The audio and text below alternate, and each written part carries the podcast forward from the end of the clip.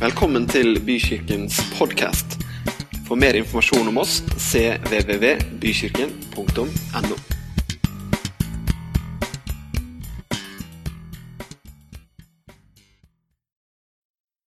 Det er eh, sånn at vi skal dele Guds ord sammen, og det er en stor glede. Og så er det jo fint å se dere. Du vet, Det er jo sånn vi sier når vi møter noen som vi syns er sånn passe ålreit. Fint å se deg. Kan jeg få litt mer lys i salen, så jeg bare ser noen ansiktsuttrykk her? Så jeg vet hvem som ler høyt når jeg sier noe? Ja, Ikke på meg, men inne i salen. kanskje. Der, ja. Det var bedre. Eh, men jeg har lyst til å komme med en annen hilsen til deg enn fint å se deg. For det har jeg sagt fint å se deg, så nå vet du det. Jeg har lyst til å si nåde fra Gud, vår Far og Herren Jesus Kristus. Jeg har lyst til å si nåde og fred fra Gud, vår Far. Vær så god. Det er nydelig når vi leser Paulus og noen av de andre brevene, hvordan de alltid når de hilser menigheten, uansett om de skriver et brev rett inn i kaos og irettesettelse, så begynner de nåde og fred. Du kan begynne hver eneste dag av ditt liv vitende om at han som har skapt deg, han som elsker deg, han møter deg med nåde og fred. Ja, men dagen min er dårlig, kroppen er ikke med. Nåde og fred fra Gud, vår far. Det er det han gir gang på gang på gang. Amen. Det er fantastisk. Dere, I dag så skal jeg snakke om eh, noe som vi er en del av. Og kanskje på en litt annen måte enn en, en noen skulle tenke. Fordi at eh, vi her nå Vi er jo en, en kirke, ikke sant? Ja. Vi er en kirke. Det er sånn at Akkurat på dette tidspunktet, i, i vår tidssone og noen timer til eller fra i alle andre tidssoner, så møtes menighetene kirkene over hele kloden. Og de gjør det samme som vi gjør, i en eller annen form og farge. Hvis de er en kirke. Hva gjør de? De ber til Gud. De lovpriser, de tilber Han. Noen har den liturgien, andre har den liturgien. Noen har på seg en helt annen drakt enn det jeg har når de skal dele Guds ord, men de deler Guds ord. Det er, noe, det er noe merkelig med dette fenomenet menighet. Israels folk ble jo også kalt Israels menighet, altså en forsamling. Men det er, noe, det er noe merkelig med dette fenomenet som oppsto på pinsefestens dag, hvor 3000 og 5000 og 3000 osv. bare fortsatte å bli den første menighet. Og vet du hva som er merkelig med dette fenomenet? Det er at gjennom alle tider Gjennom alle politiske regimer, på tross av alle filosofier og livsanskuelser, så har menigheten fortsatt å vokse og utbre seg. Og det merkelige er at jo hardere betingelser den har hatt, jo mer har den vokst. Hva heter det? Han derre Tertullian. Han, jeg synes han har så fint navn. En av kirkefedrene sier de at eh, martyrenes blod er kirkens såkorn. I, i, I, Kina så stramma myndighetene grepet voldsomt til. Det har de jo for så vidt fortsatt, men eh, eh, det er noen åpninger her og der. Og Hva er det som skjer når Kirken møter motstand? Jo, da vokser den og finner andre veier å spire og gro på. Og vet du hva? Du kan ikke forklare hvordan dette har latt seg gjøre politisk. Det har vært skiftende regimer. Eh, mange mener at eh, den kristne tro, Kirken, har vært politisk smidig. Eh, andre peker på at den har vært utrolig tilpasningsdyktig. Kulturelt, ikke minst, så har Kirken klart å ikke bare holde seg i, i, områdene rundt sitt utspring, men har klart å bre seg til andre kontinenter og andre verdensdeler. Og akkurat i dag så er det sånn at antall mennesker som blir troende, tar imot Jesus som sin frelser, vokser hurtigere enn fødselsraten i verden. Kan du forklare det filosofisk. Nei, du kan ikke det heller. Det er rett og slett et mirakel. Det er rett og slett noe utenfor menneskelig forklaringsevne. Vi kan finne mulige årsaker. Vi kan peke på én årsak, nemlig noe som de første kristne var veldig opptatt av, og som alle evangelisk kristne er opptatt Jeg nevner to ting. Jesu død og hans oppstandelse. Og oppdraget om å spre de gode nyhetene om Guds kjærlighet til alle verden. Det er to sånne foreningsfaktorer. Ikke forening som forening, men to ting som har forent kristne verden over. Og så er det allikevel sånn at På privaten eller på nasjonalt nivå eller regionalt nivå så, så har vi gjort oss ulike erfaringer med kirke. For Én ting er å snakke om de store tall, Bent Ove. En ting er å snakke om at det, det, vokser der eller det vokser her. Men hva med hos oss? Ja, Nå hørte vi jo Mathilde fortelle at det var eh, ganske mange som eh, var her. Det var kjempeflott å, å se unge mennesker som reiser seg opp med nesten 200 andre i salen og, og, og tar et standpunkt og vet hva jeg vil følge Jesus. Men allikevel så har vi jo våre historier. Vi har det ene, og vi har det andre. Og noen ganger så kan det farge oss i vår tilslutning til menighet her og nå. Skjønner du hva jeg snakker om?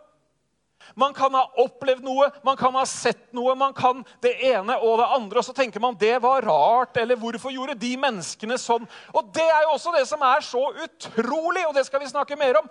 Hvordan har det seg at dette fenomenet menighet har evnen i seg til å vokse og komme videre til tross for menneskelig feil? For de er det mange av. Det er det skrevet bøker om. La oss gå til dagens tekst. En av de. Det er ganske mange i dag. Nei da, det er ikke så mange.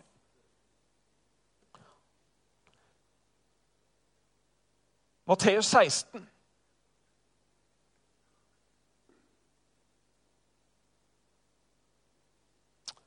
Da kom Jesus til området ved Cesarea Filippi.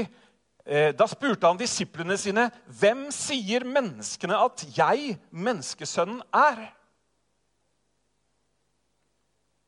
Det skjedde så mye at det begynte å versere ulike teorier.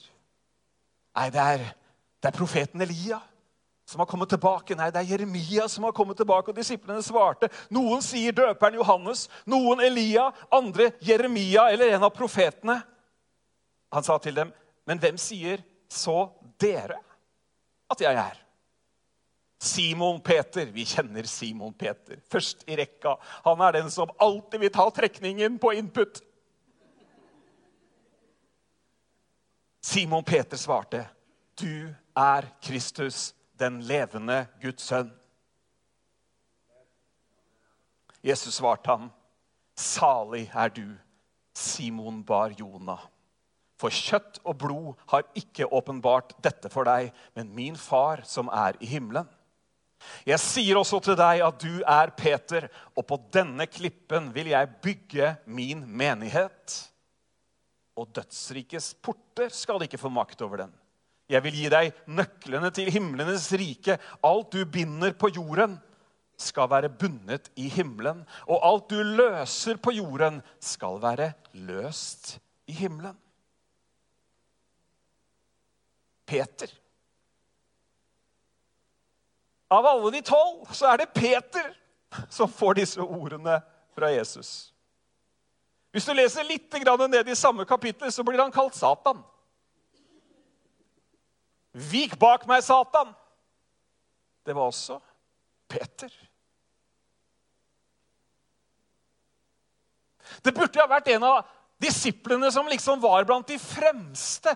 En som liksom hadde skjønt det, en som ikke hadde gjort så mange blemmer. Men nei da, Jesus sier at du er Peter, og på deg, på denne klippen, vil jeg bygge min menighet. Peter hadde styrker. Han hadde det. Han var tapper. Var han ikke det? Hvem var det som grep sverdet og hogg øret av soldaten når, når Jesus ble, ble, tatt til fange? Hvem var det liksom som var først ut av båten? 'Jeg kommer!' Handlingskraft, altså. Han var hengiven. Vi ser jo akkurat her. Han var den første faktisk som bekjente at Jesus var Messias. Og Han var hjertelig, han var omsorgsfull, men han var på mange måter et fyrverkeri på to bein. Altså, Han var jo en løs kanon. Han skifta jo mening fortere enn andre skifter undertøy. Det er jo ganske bra. Ikke sant? Husker du denne settingen hvor Jesus driver og, og vasker beina på disiplene? og Peter syns jo at det her er altfor gærent. og liksom, Nei, nei, Jesus, det her har gått for langt. Du skal ikke drive og vaske føttene på oss. Hallo! Og så forklarer Jesus liksom at ja, men du skjønner det at hvis ikke, hvis ikke, vi, hvis ikke dere tillater det her, så kan vi ikke, da kan vi egentlig ikke ha samfunnet med hverandre. Og da snur han helt om. Ta hele meg, Jesus! Fullt bad, full dusj! Peter impulsiv så det holder. Med en klar tendens til å handle før han tenkte. Og I det ene øyeblikket 'Jesus, jeg kommer til deg' ut av båten på vannet. I neste øyeblikk tvilende så han synker. Du er Peter, og på denne klippen vil jeg bygge min kirke. Han fyrte av vet du, når Jesus begynte å snakke om at han skulle dø og oppstå. Og nei, han irettesatte Jesus. Nei, nei, nei, nei. En ekte person. Kanskje vi kan kjenne oss igjen i det ene eller det andre karaktertrekket. Vi kan jo ha en sånn stille håndsopprekkelse. Hvem hadde grepet det sverdet og hogget av et øre? Ja, det var én. Gud velsigne deg der nede. Du skal få bli med neste gang vi skal til et farlig strøk.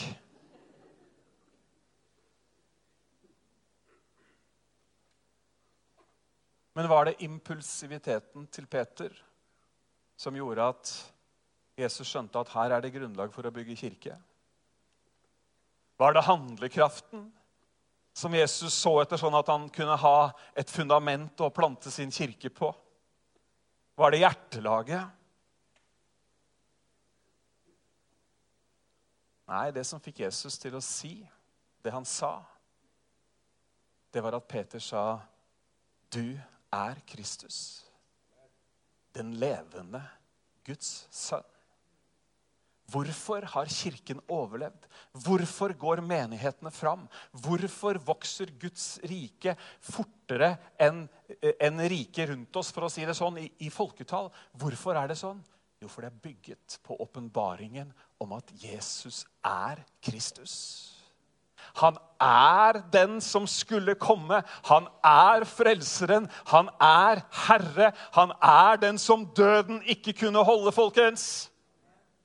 Og på den åpenbaringen, på den forståelsen, kan på det grunnlaget så er vi en kirke. Ikke på noe annet grunnlag eksisterer vi som en kirke. Verken i eh, trossamfunns etikett eller eh, fordums helter. Det hjelper veldig lite og ha meg unnskyldt, det hjelper veldig lite med pinsebevegelse, med karismatisk bevegelse, med Barat, med hele kostebinderiet. Vi bygger kirken på åpenbaringen, forståelsen av av at han er Kristus, den levende Guds sønn.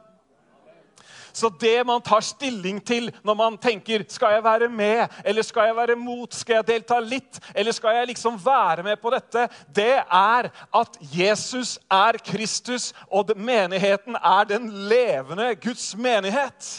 Det er et grunnlag som trumfer alle menneskelige tilkortkommenheter. Det trumfer jo hele lista til Peter. Altså, Jesus visste jo hva han hadde gjort, og Jesus visste hva han kom til å gjøre. Men han sier allikevel, isolert sett, midt i all din menneskelighet, Peter Midt i alt det du ikke får til, midt i alle flausene, midt i alt, midt i alt. Og du skjønner hva jeg snakker. Midt i alt så har du tatt, én ting innover deg. Hjertet ditt har sett én ting, og det er at 'jeg er Kristus'. Jeg er den levende Guds sønn. Og det er, det er, du skjønner at Den åpenbaringen det er som en sånn der infusjon av kraft og liv. Fordi at Jesus Kristus han kom ikke bare til jorda og var her en liten tid, og så var han glemt. Nei, Han kom til jorda, og når han var her, så gikk han i døden for oss. Og så seiret han over døden, og derfor så sier han, 'Og jeg vil gi deg nøklene til himlenes rike'.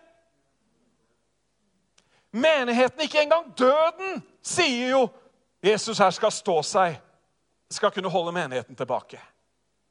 Derfor sa Tertulian det han sa om at martyrenes blod er kirkenes såkorn. På åpenbaringen av hvem Jesus Kristus er. Derfor har jeg tro på menighet.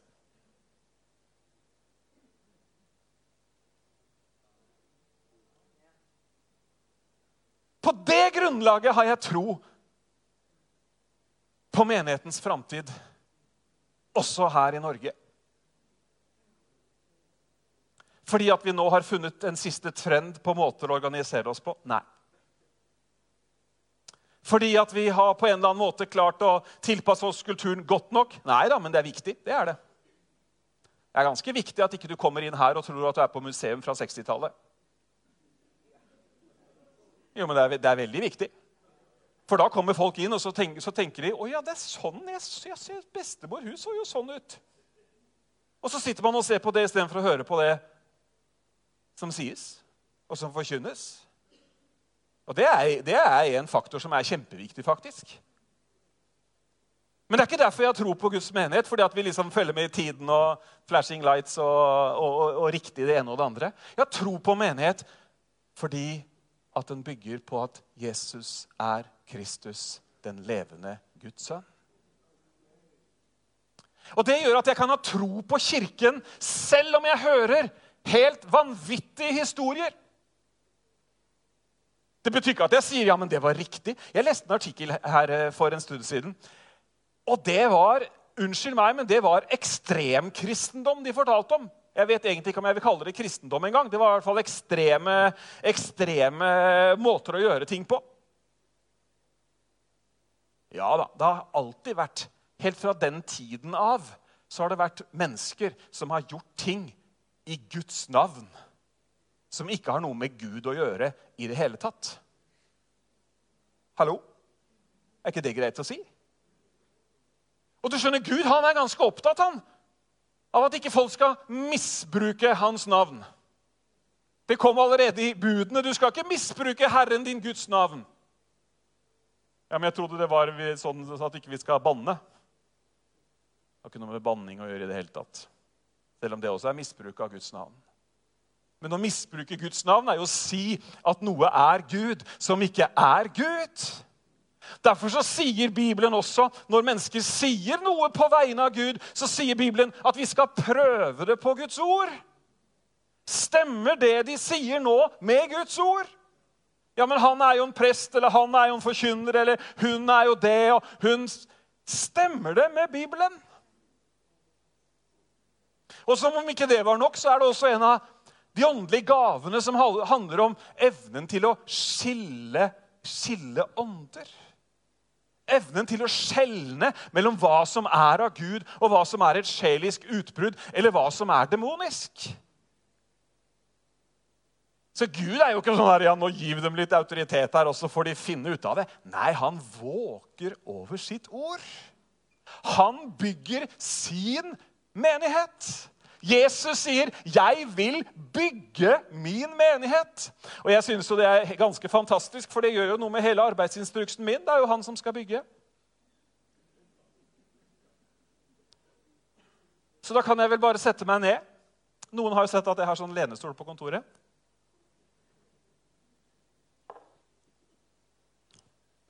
Det er bare for å få et avbrekk på lange dager.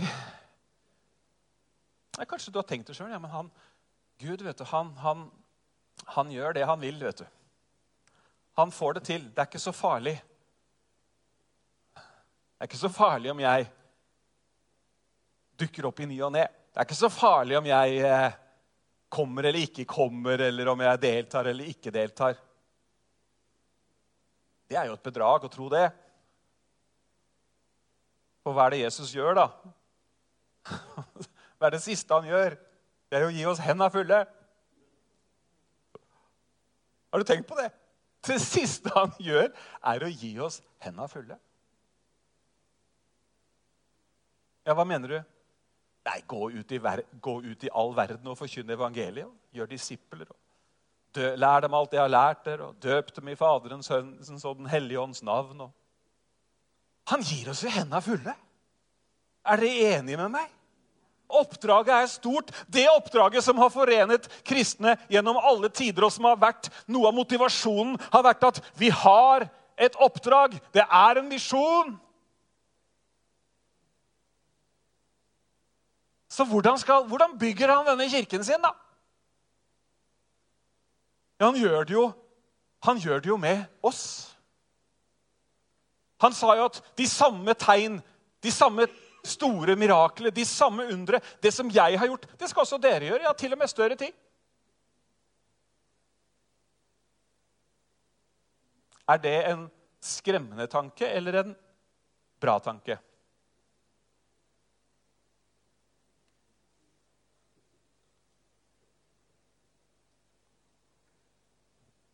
Det var ingen som visste svaret. Det er kanskje den er begge deler. Hørt om sånn skrekkblandet fryd. Men du skjønner det som er så fint, det som er så fint jeg, må jo, jeg må jo passe på nå at eh, ingen går ut herfra og sier at vet du hva, Bent Ove sa at vi har hendene fulle og vi må bare brette opp armene. Ja, det har jeg sagt. så nå har jeg sagt det også. Men så sier han at han skal være med oss. Ser jeg med dere alle dager. Og så sier han at det er til fordel for dere at jeg drar bort, for når jeg drar bort, så kommer det en annen hjelper. Den hellige ånd kommer, og han skal, eh, du, du, trenger ikke å pugge til prøva, for han skal ta av det som er mitt, og så skal han liksom minne dere på det. Så det er jo en veldig, jo en veldig pakke her, rett og slett.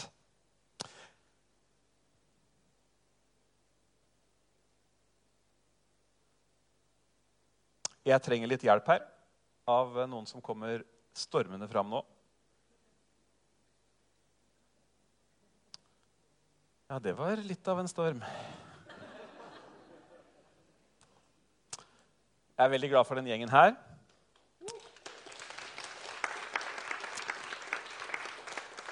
Det er bare mennesker i den alderen som uforbeholden sier ja til å være med på noe de ikke aner hva er.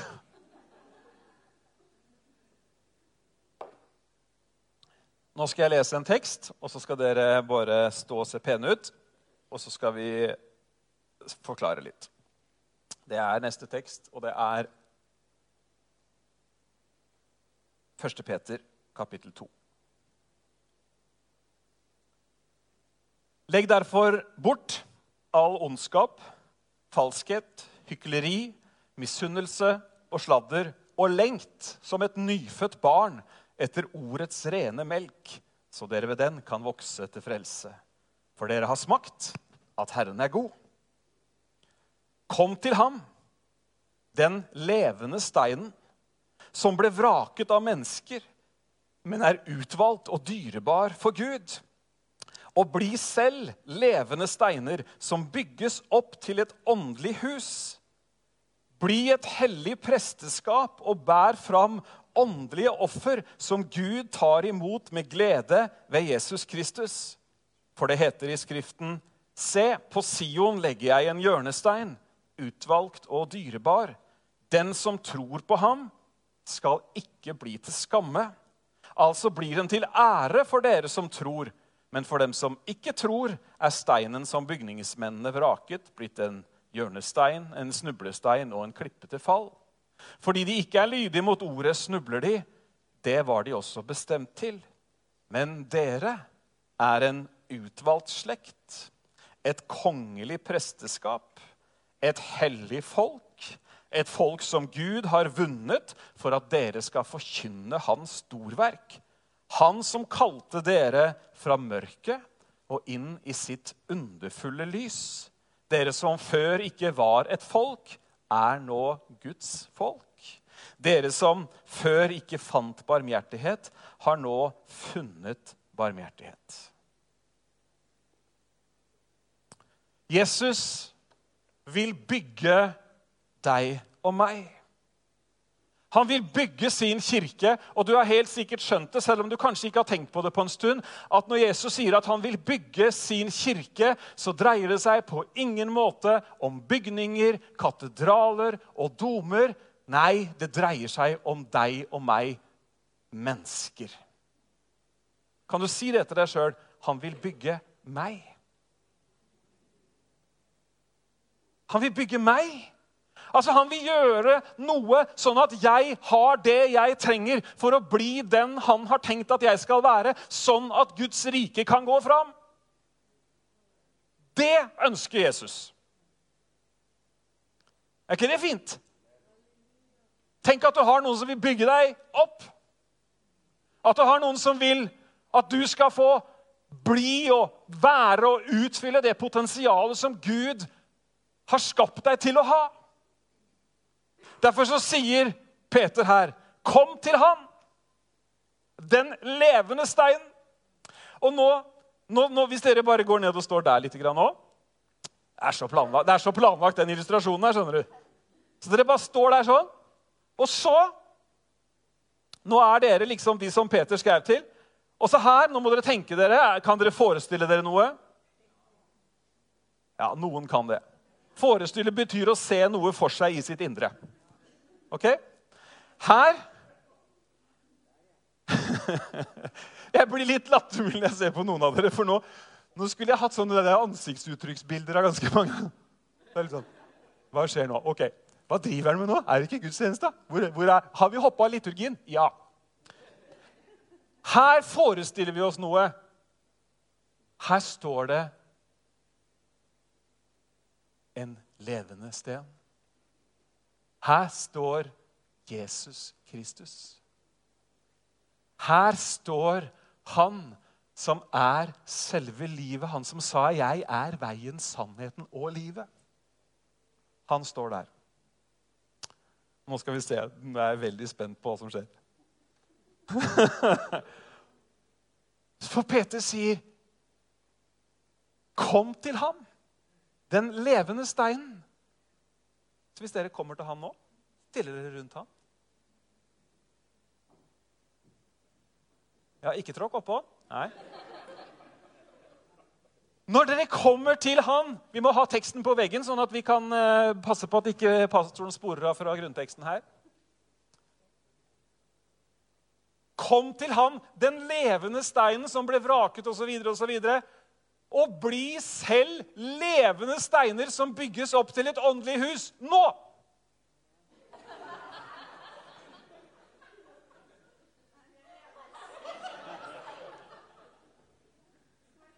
Ja, levende steiner. Ja, akkurat! Vi lever! Fantastisk! Du har jo skjønt det! Du får en gratis brus etterpå. Men, men, men dere, må, dere, må, dere, må, få med det her.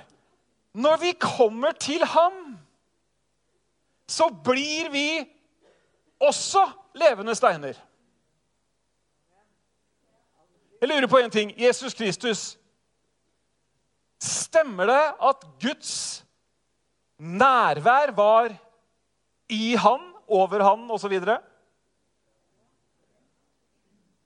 Bibelen sier at hele guddommens fylde var i Jesus Kristus. Da snakker vi liv. Da snakker vi så mye liv at hvis en som har hele guddommens fylde i seg, sier 'bli lys', da blir det, da blir det lys. Når dere kommer til han, så blir også dere levende steiner. Og så står det 'å bygges opp til et åndelig hus'.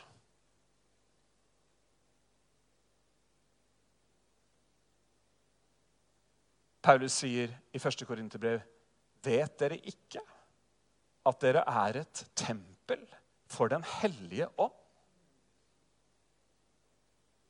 Så altså Hvis vi kommer til Jesus, han som er den levende steinen, da bygges vi opp og blir levende steiner, vi også. Jeg vet ikke hvor, akkurat hvorfor det er steiner og at det ikke står tømmerstokker, men hvis det er noe som er dødt, så er det jo kanskje stein. Hvis det er noe som har svært dårlig egne bevegelsesmønstre, så er det stein. ja da, det fins lava osv. Men i, i sånn grunnleggende så håper jeg ikke at steinene rundt deg på tomta de beveger seg veldig mye.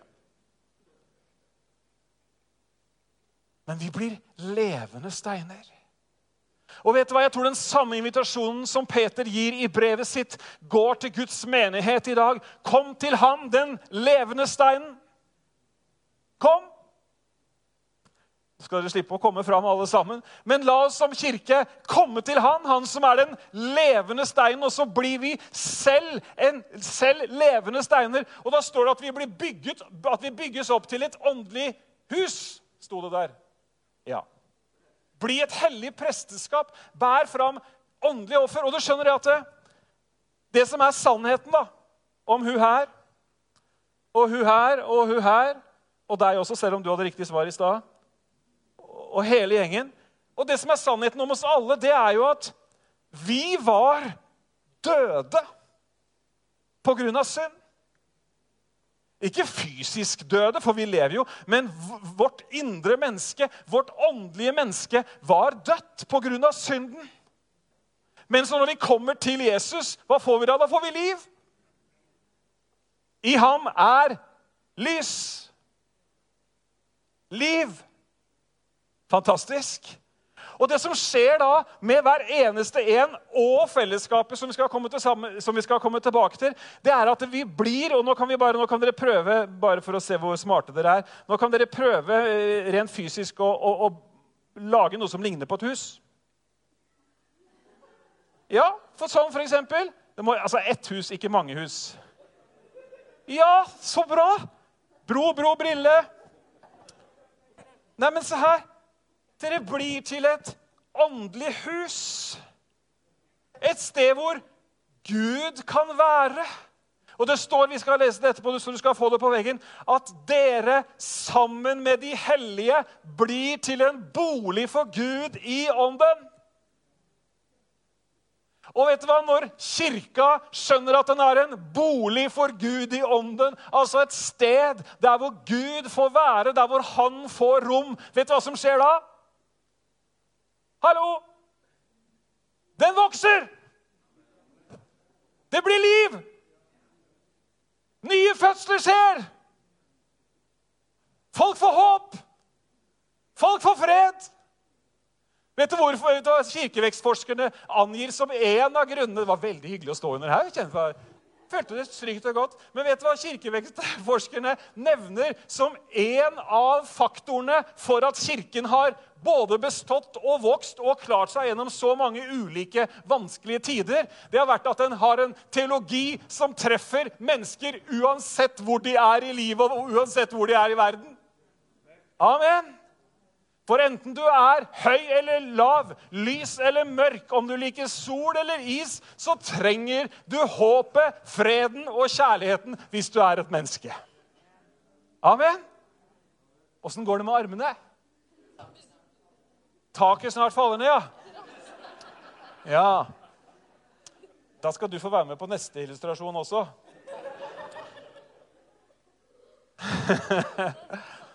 Men dere, dere må stå litt til. Dere er jo unge. Jeg tror ikke pensjonistene ville vært med på det her. Men dere, er det ikke fantastisk at for Natalie og for Olivia og for Thea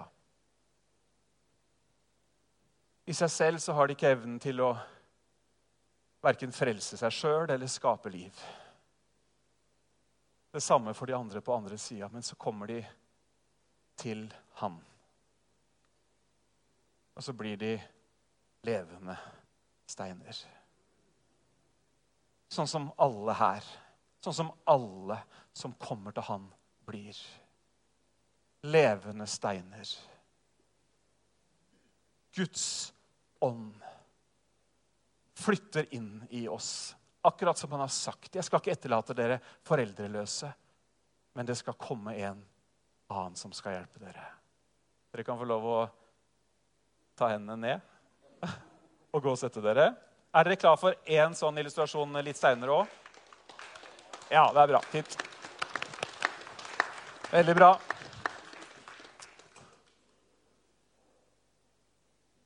Er det mitt?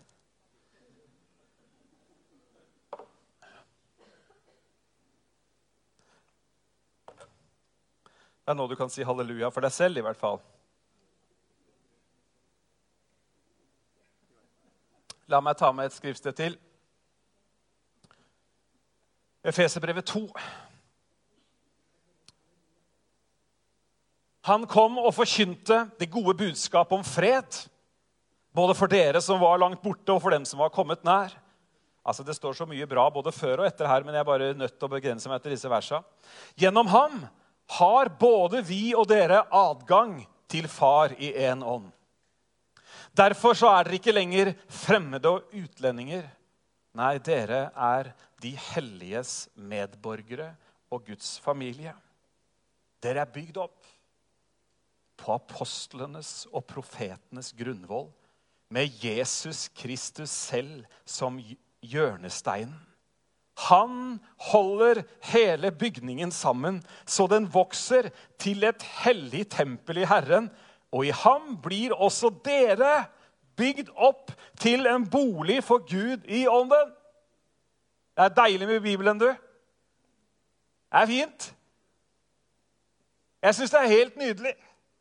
Jeg synes Det er helt fantastisk, ikke bare fordi det står skrevet her, men fordi at eh, vi er da altså Guds familie. Vi er ikke lenger fremmede og utlendinger. Nei, vi er medborgere, vi er Guds familie, og vi står støtt. Og hvis det er én faktor da, nå har jeg jo nevnt noen som, de, som man kanskje ikke lettest eh, tyr til når man skal forklare hvorfor menigheten er så vanvittig livskraftig at den har overlevd alt, og at den fortsatt blomstrer. Hvis det er én faktor som ikke man som tørr teoretisk akademiker kan komme opp med, men som er sannheten, så er det at Jesus Kristus er hovedhjørnesteinen. Derfor holdes bygningen sammen. Han holder det sammen. Og nå skal vi ikke gå langt inn i det, men Byggeteknikken for de som leste dette her for første gang, tilsa at de skjønte hva han mente, fordi at en, en hovedhjørnestein var helt nødvendig for at konstruksjonen skulle faktisk ikke, ikke falle sammen. Men den guddommelige faktoren i hvorfor menigheten har klart seg på den måten som den har, det er kanskje det største, om ikke, det, ikke kanskje. Det er elementet i det fordi at det er noe som Gud ønsker.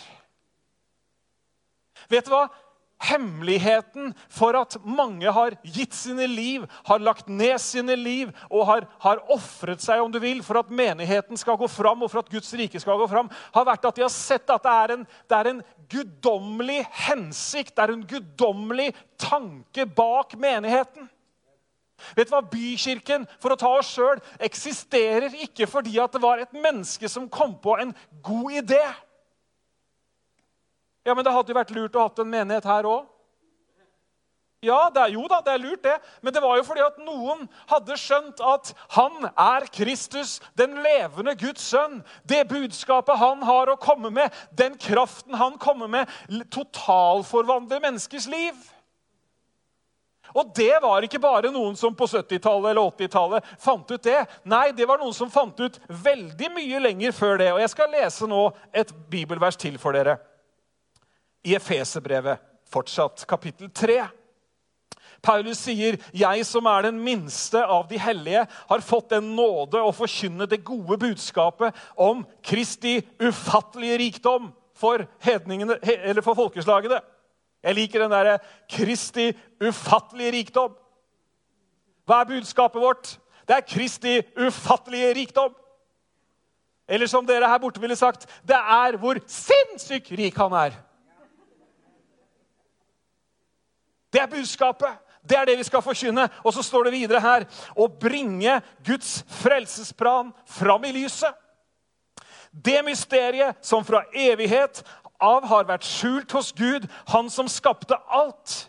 Slik, hør nå, slik skulle hans mangfoldige visdom, altså hans Guds mangfoldige visdom, bli kunngjort gjennom Kirken for maktene og åndskreftene i himmelrommet etter Guds evige forsett.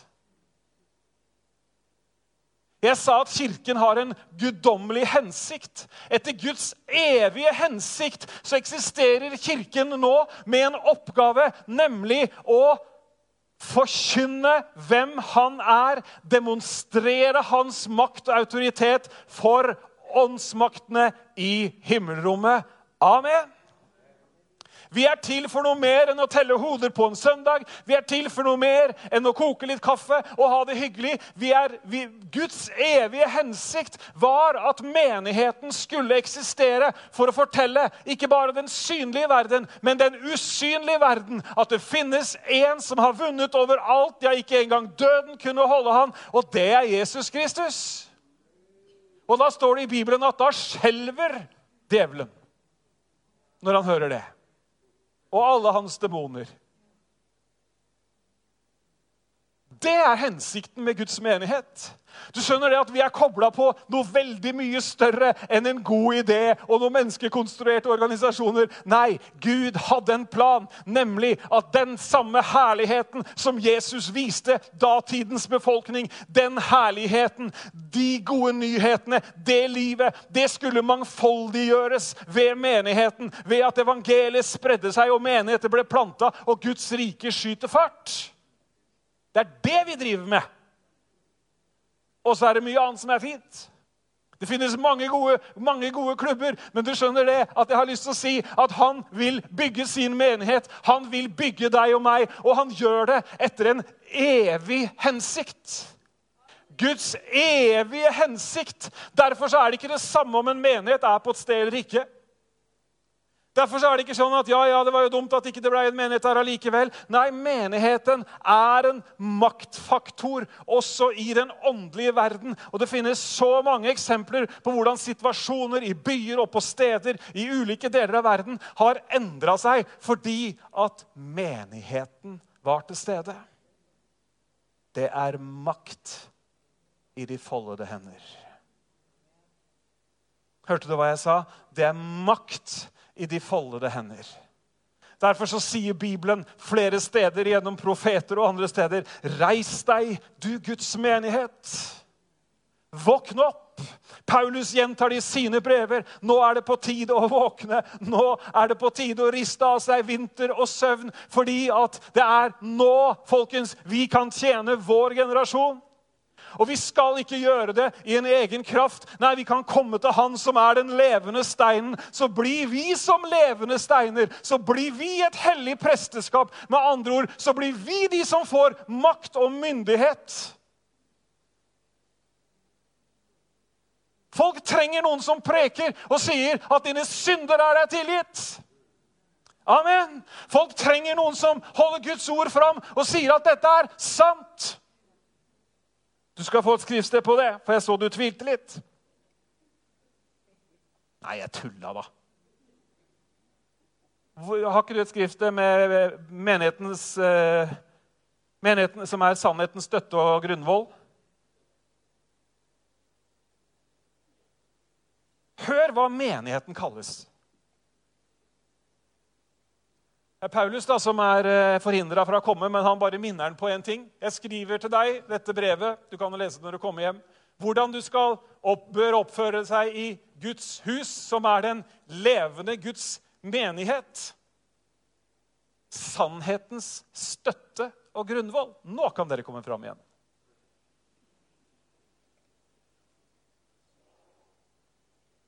Hvor er han? Der er han. Niklas. Nå må du komme her. Nå har vi jo lært hvordan vi skal forestille oss noe. Og nå er det lettere. ok? Si inni deg det er lettere nå. Du som sleit med den levende steinen, det er lettere nå. Nå skal du nemlig forestille deg, og det er ikke så vanskelig, at dette er sannheten. Denne sannheten trenger en grunnvoll å ligge på. Så da, jenter, da må dere lage to rekker av tre. Og så må dere se om dere klarer å holde sannheten oppe.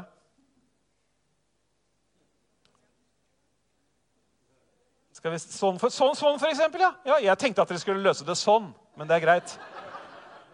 Sånn, Så må du komme deg helt oppå. Jeg kan hjelpe deg. Sånn. Og så hopper vi, hopper vi bakover. Kom igjen. Oi!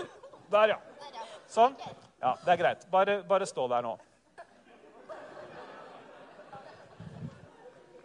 Menigheten, det er oss. Det har du fått med deg nå. Har du ikke fått med deg det? Jo, menigheten er oss. Menigheten har et Jeg må ikke slutte. Nei, nei. Girl power, girl power. Ja. ja, det var det jeg tenkte. jeg skulle, må hoppe litt opp, oppover. Sånn, ja. Det er bra. Menigheten som er sannhetens støtte og grunnvoll. Jeg lurer på Nå skulle vi hatt sånn der, eh, sportsintervju. Hvordan føles det? Hvordan føles det? Ja, det er bra. Hvordan føles det? Det føles bra ut. Trening. Ja Det er ulike. Hvordan føles det her?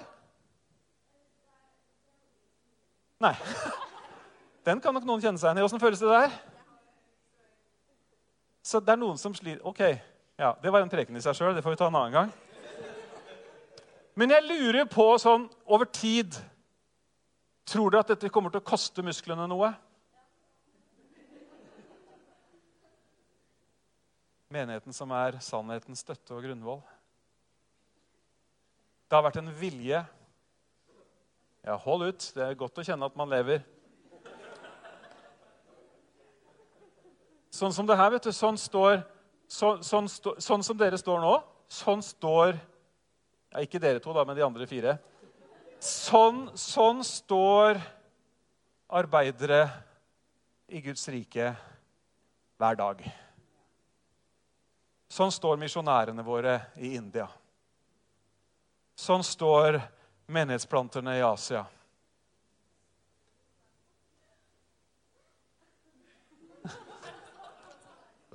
Bra spørsmål. Står de sånn her med folk? Nei, de gjør ikke det. Det var nå du revurderte hele det misjonsgreiene? Ja. Dere kan få lov til å sette han ned forsiktig. Og så nå kan dere ta han oppå der. Nei da, nei da. Dere skal få slippe. Tusen takk. Tusen takk. Poenget mitt var at Menigheten har et kall om å være sannhetens støtte og grunnvoll. Det kallet, det, den oppgaven, det oppdraget har menigheten alltid. Og når jeg snakker om menigheten, så snakker jeg om, om menigheten eh, i universal eh, term.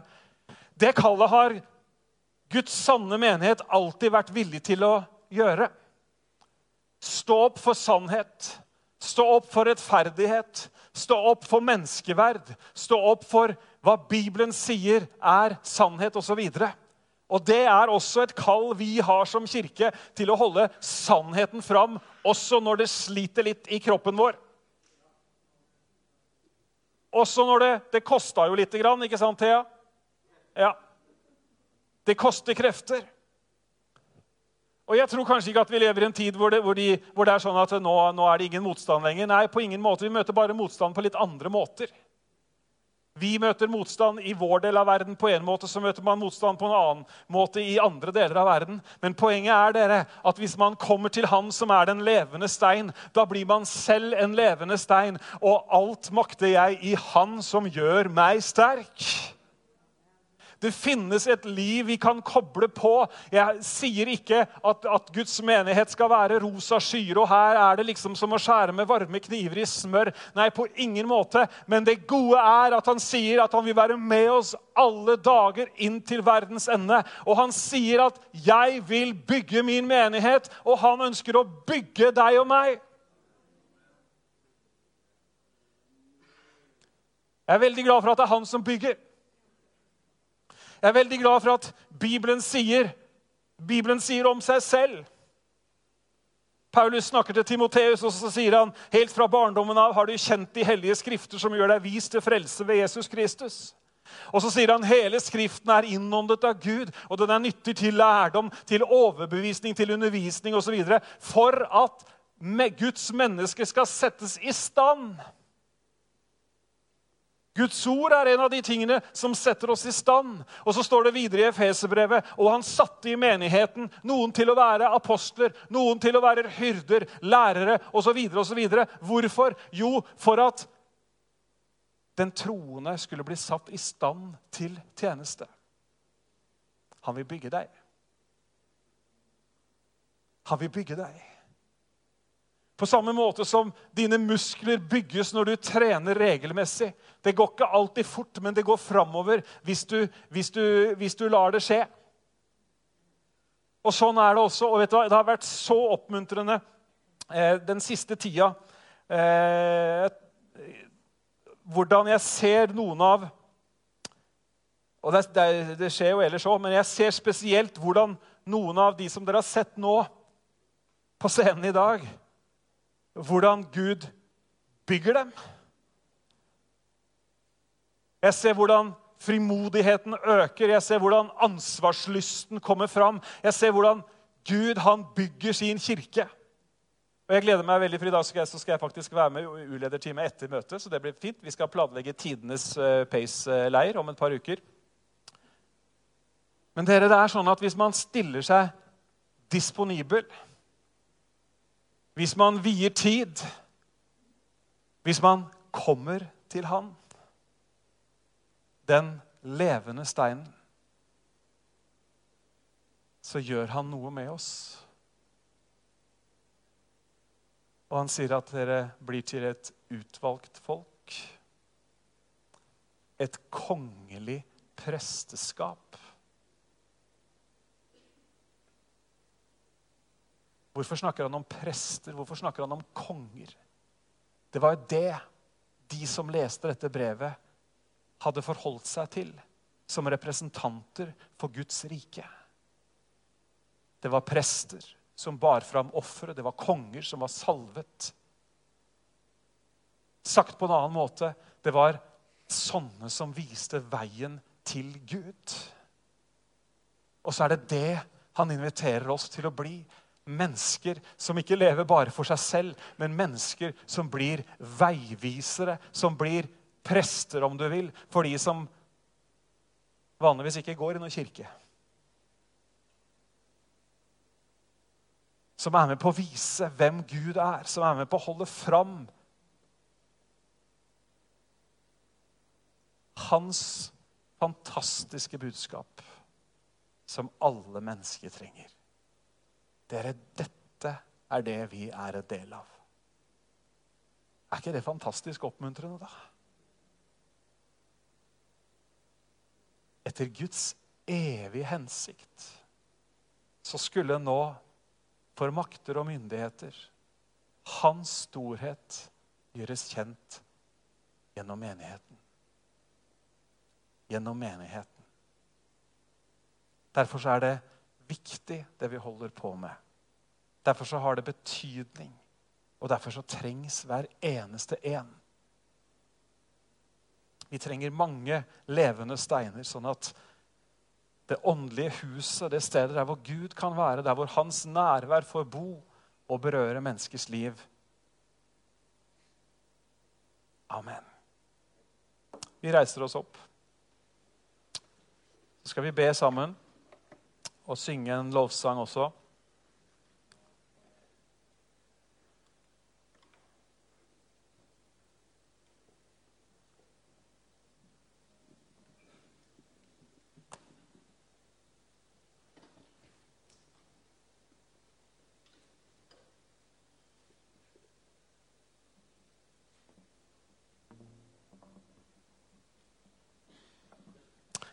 Det står om David,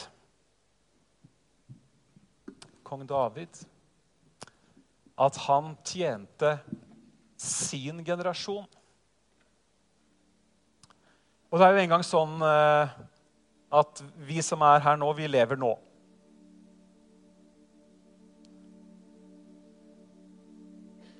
Men jeg tror virkelig at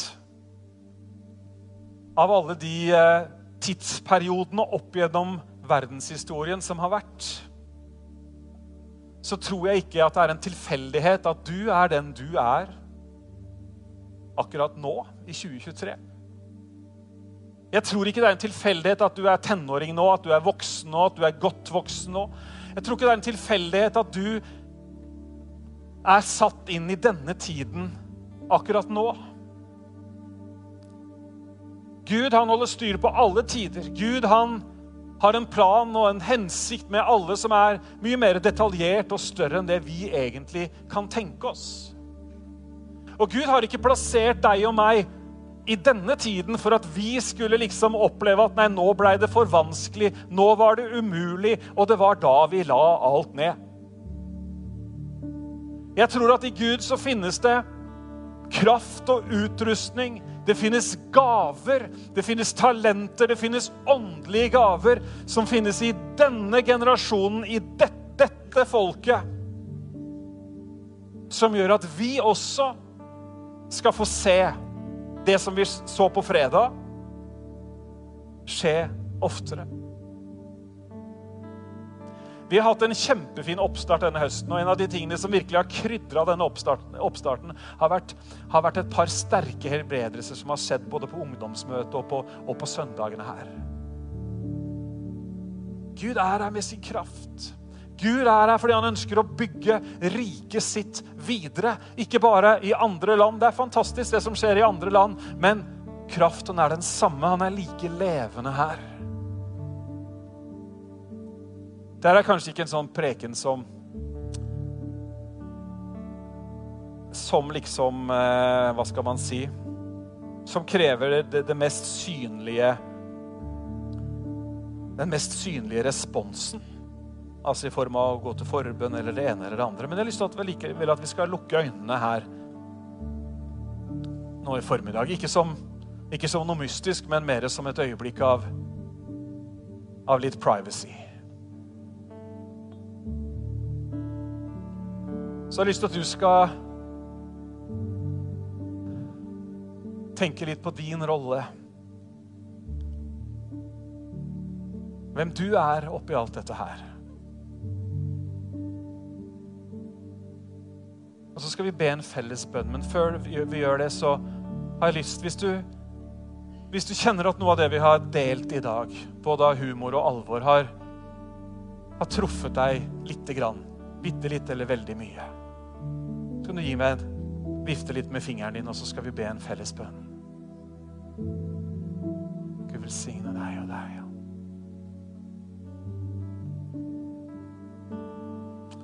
Herre, vi kommer framfor din trone.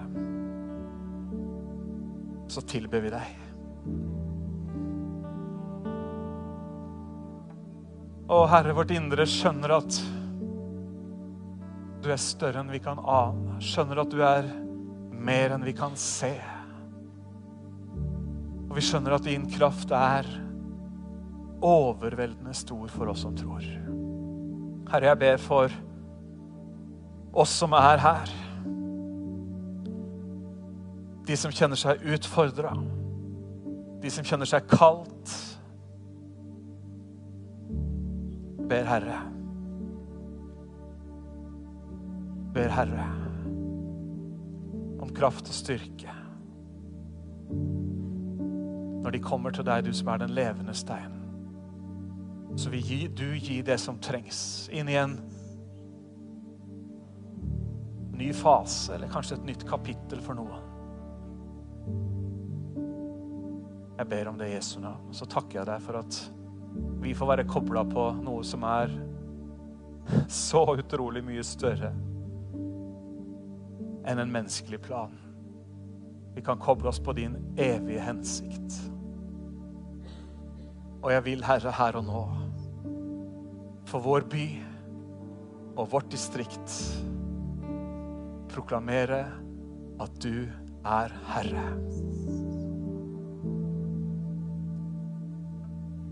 Kan vi ikke forene oss i en bønn nå for byen vår, for boligområdene våre, for den delen av Norge som vi er satt i. Og så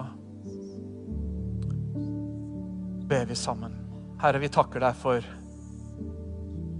byen som vi er satt til å være et lys for. Be for de ulike nabolagene, be for de ulike relasjonene på jobb og skole. Herre, jeg ber om åpne dører for evangeliet. Jeg ber om åpne dører for evangeliet ber om åpne hjerter. Og Herre, jeg ber for alle oss at vi skal la oss fylle ovenfra. At vi skal la oss fylle med dine perspektiver. Fylles med ditt ord, fylles med din ånd, fylles med fellesskapet. Med våre medborgere, de andre troende i forsamlingen, Herre. Du er Herre. Takk, Jesus. Amen. Amen. Skal vi synge sammen, og så er det sånn som det pleier å være. Du, hvis du har et ønske om å bli bedt for, uavhengig av hva vi har snakka om, om du er syk eller opplever ting tungt, eller bare, bare rett og slett vil bli bedt for. Det var så fint vet du, på et ungdomsmøte her for en stund siden, så det er ikke så lenge siden heller. så Bare for å gi deg et lite sånn innblikk i fredagslivet. Så sier vi det sånn på slutten da, av eh, møtet at hvis noen har lyst til å bli bedt for, så er det så, Og da var vi noen av, noen av voksenlederne der også. Så synger vi en sang, og så mens vi gjør det, så Jeg tror vi var fire-fem stykker, eller et eller annet, så står vi bare litt sånn i midtgangen, og så kommer ungdommene. Nesten alle. Spiller ikke noen rolle om alle eller ikke, men de kommer sånn én etter én. Og så, så sier de Men Tove, kan du ikke bare be for meg? Det er ikke noe spesielt, men jeg trenger bare å bli bedt for. Er ikke det fint?